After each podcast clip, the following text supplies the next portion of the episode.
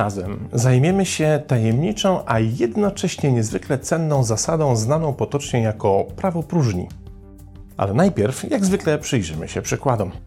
Oto Stefan i Grażyna postanowili zmienić mieszkanie, gdyż to dotychczasowe im zmierzło. W tym celu ukuli chytry plan. Otóż to swoje mieszkanie wynajmą komuś, a za zarobione na wynajmie pieniądze sami wynajmą sobie inne mieszkanie. Może i mniejsze, ale takie, które będzie im bardziej pasowało.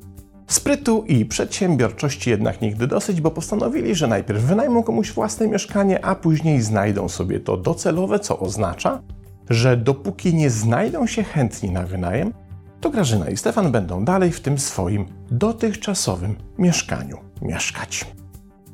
Po opublikowaniu landrynkowatych ogłoszeń zawierających superfilmik prezentujący ich mieszkanie z efektami godnymi hollywoodzkich superprodukcji, pojawiają się pierwsi chętni. Stefan otwiera drzwi i staje twarzą w twarz ze stateczną parą w sweterkach Pepitkę. Państwo zainteresowani mieszkaniem, tak? Pyta grzecznie, zauważywszy właśnie na własnym podkoszulku obfitą plamę po buraczkach. To trzeba chwilę poczekać, bo ja właśnie kończę rosół, a moja żona znajduje się obecnie w negliżu oraz w maseczce z ogórków. A tego nie da się odzobaczyć. Oto Kazik i Zofia. Są wyluzowani, trochę nie z tej planety, ale za to pasują do siebie jak żwirek i muchomorek. Postanawiają spędzić romantyczny wieczór w renomowanej restauracji. W oczekiwaniu na stolik zostają poinformowani, że właśnie zwolnił się jeden po drugiej stronie sali. Ale my chcemy usiąść przy tym stoliku pod oknem, stanowczo domaga się swego szczęścia Kazik. Ale jak widać, ten stolik jest zajęty, mówi zadziwiony kelner. Przecież widzą państwo, że siedzi przy nim Stefan z Grażyną. Nic nie szkodzi, odpowiada Zofia. My im usiądziemy na kolanach. Okej, okay. celowo użyłem absurdalnych przykładów, by pokazać, że łamaniem prawa próżni rządzi irracjonalne myślenie, tyle, że posługujemy się nim również w naszych codziennych, już nie tak absurdalnych sytuacjach. Na przykład przy poszukiwaniu nowego sposobu na życie, wymarzonego życiowego partnera czy partnerki, czy też kiedy stoimy przed dowolną zmianą, kiedy zaś prawo próżni jest przez nas ignorowane, czy też zamiatane pod dywan, to dokonanie zmiany, czy też osiągnięcie jakiegoś naszego zamierzenia staje się wyjątkowo trudne. O co zatem chodzi z tym prawem próżni? By odpowiedzieć na to pytanie, najpierw musimy się przyjrzeć pewnemu zadziwiającemu tekstowi o nazwie Kybalion. Taki bowiem tytuł nosi książka, opublikowana w 1908 roku przez wydawnictwo Yogi Publications Society z Chicago. Co więcej, wydana w taki sposób, by celowo ukryć jej autorów, skoro na okładce widzimy jedynie napis trzech wtajemniczonych. Jednak okazuje się, że dla współczesnych internetowych śledczych ta zagadka to bułka z masłem. Kiedy bowiem prześledzić ówczesną amerykańską historię ruchu nowej myśli, tajemnica przestaje być aż tak wielka.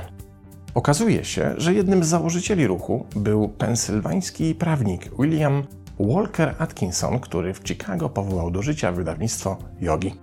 Ten zaś ruch tworzony był również przez okultystę Paula Fostera Caseya i Eliasa Gewursa, autora m.in. książki Ukryte skarby starożytnej kabały.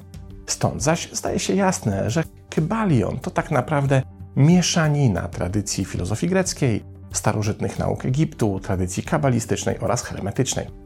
Wyznawcy ruchu nowej myśli utrzymywali, że oryginalny starożytny tekst Kybalionu był autorstwa heleńskiego bóstwa Hermesa Trismegista, okrzykniętego po trzykroć wielkim jako emanacji wagi trzech dziedzin nauki, religii i filozofii. W samym zaś Kybalionie zawarto wiedzę na temat siedmiu kosmicznych praw. Później, już po tym jak Kybalion okrzyknięto arcydziełem i najbardziej tajemniczą księgą XX wieku, różni autorzy starali się uzupełnić tę listę siedmiu podstawowych praw kolejnymi prawami.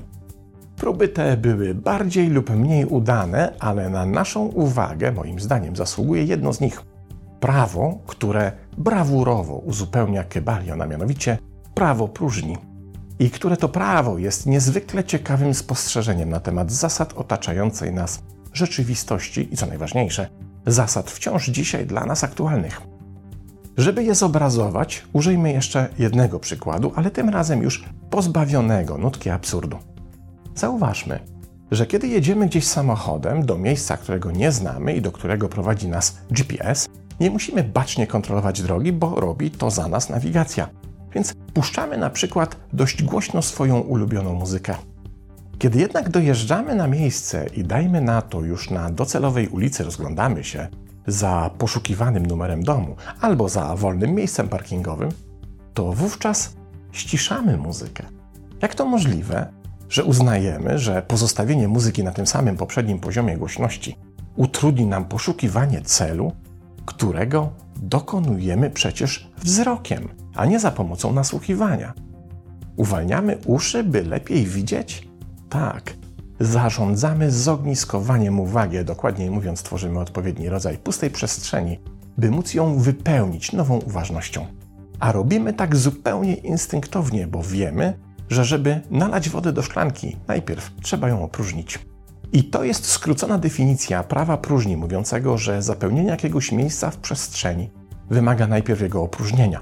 W przeciwnym razie będziemy mieli do czynienia z konfliktem pomiędzy tym, co dotychczas już znajduje się w tym miejscu, a tym, co teraz chcemy tam umieścić. I konflikt ten nie dotyczy tylko sytuacji, w której w danej zajętej już przestrzeni chcemy umieścić jakiś konkretny przedmiot, jak na przykład Zośkę i Kazika na kolanach Grażyny i Stefana w restauracji.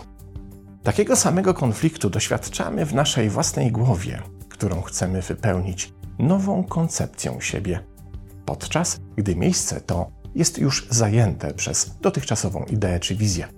Jeśli zaś nawet takie zderzenie dwóch koncepcji nie spowoduje konfliktu, to na pewno spowoduje sporą trudność w zamienieniu ich miejscami, jak to ma miejsce w przypadku Grażyny i Stefana, wynajmujących mieszkanie. Na pewno da się to zrobić, ale po prostu w takim układzie zamiana potrwa wielokrotnie dłużej i będzie wielokrotnie trudniejsza, co spowoduje tak naprawdę utratę niepotrzebnej dawki energii i to po każdej ze stron. W sumie wydaje się to oczywiste i proste, ale jak się okazuje, często nie uświadamiamy sobie nawet tego, że szykując się na nowe i marząc o jego pojawieniu się, wciąż kurczowo trzymamy się starego. To sytuacja, w której chcesz się związać z nowym partnerem czy partnerką. W końcu, po udanej randce, przychodzi ta magiczna i długo wyczekiwana chwila, by razem odwiedzić sypialnię, a tam, cóż za niespodzianka, na nocnej szafce przy łóżku Twój nowy partner czy partnerka odkrywa Twoje zdjęcie w czułych objęciach z osobą z poprzedniego związku. Twój nowy związek wciąż i owszem rokuje nadzieję na sukces, jednak od tego momentu jest dużo trudniej, prawda? Bo oto do układanki wkradł się trzeci element, którego zgodnie z prawem próżni nie powinno tam być. Bo kiedy do szklanki wypełnionej sokiem pomarańczowym dolejemy oliwy z oliwek, to do końca nie wiadomo będzie, co z tym zrobić a cała sytuacja nie spodoba się ani sokowi pomarańczowemu, ani też oliwie, już nie wspominając, że sami na tym raczej stracimy niż skorzystamy. Tymczasem bardzo często w ten sposób sami sobie utrudniamy życie, czy też sabotujemy zmianę, osiągnięcie zamierzeń czy samorealizację. I dotyczy to tak podstawowych obszarów naszego życia jak zmiana pracy, zmiana zawodowego profilu, stylu życia, a wraz z nim przyzwyczajeń i nawyków, diety i wagi. Czasem też związków, i to tych, których naprawdę nie można nazwać szczęśliwymi. Naszych relacji, w których więcej dajemy niż otrzymujemy, czy też naszych wyimaginowanych zobowiązań, których nikt tak naprawdę od nas nie oczekuje, ale które jednocześnie mają często ciężar armatniej kuli przykutej do nogi.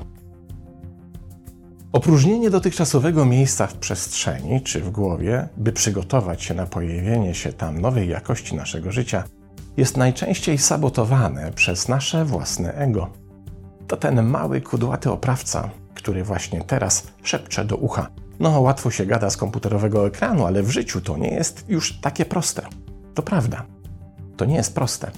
Ale życie, w którym podzielamy ten pogląd i poddajemy się takim blokującym wszelkie zmiany podszeptom, staje się niestety o wiele trudniejsze. Pozdrawiam.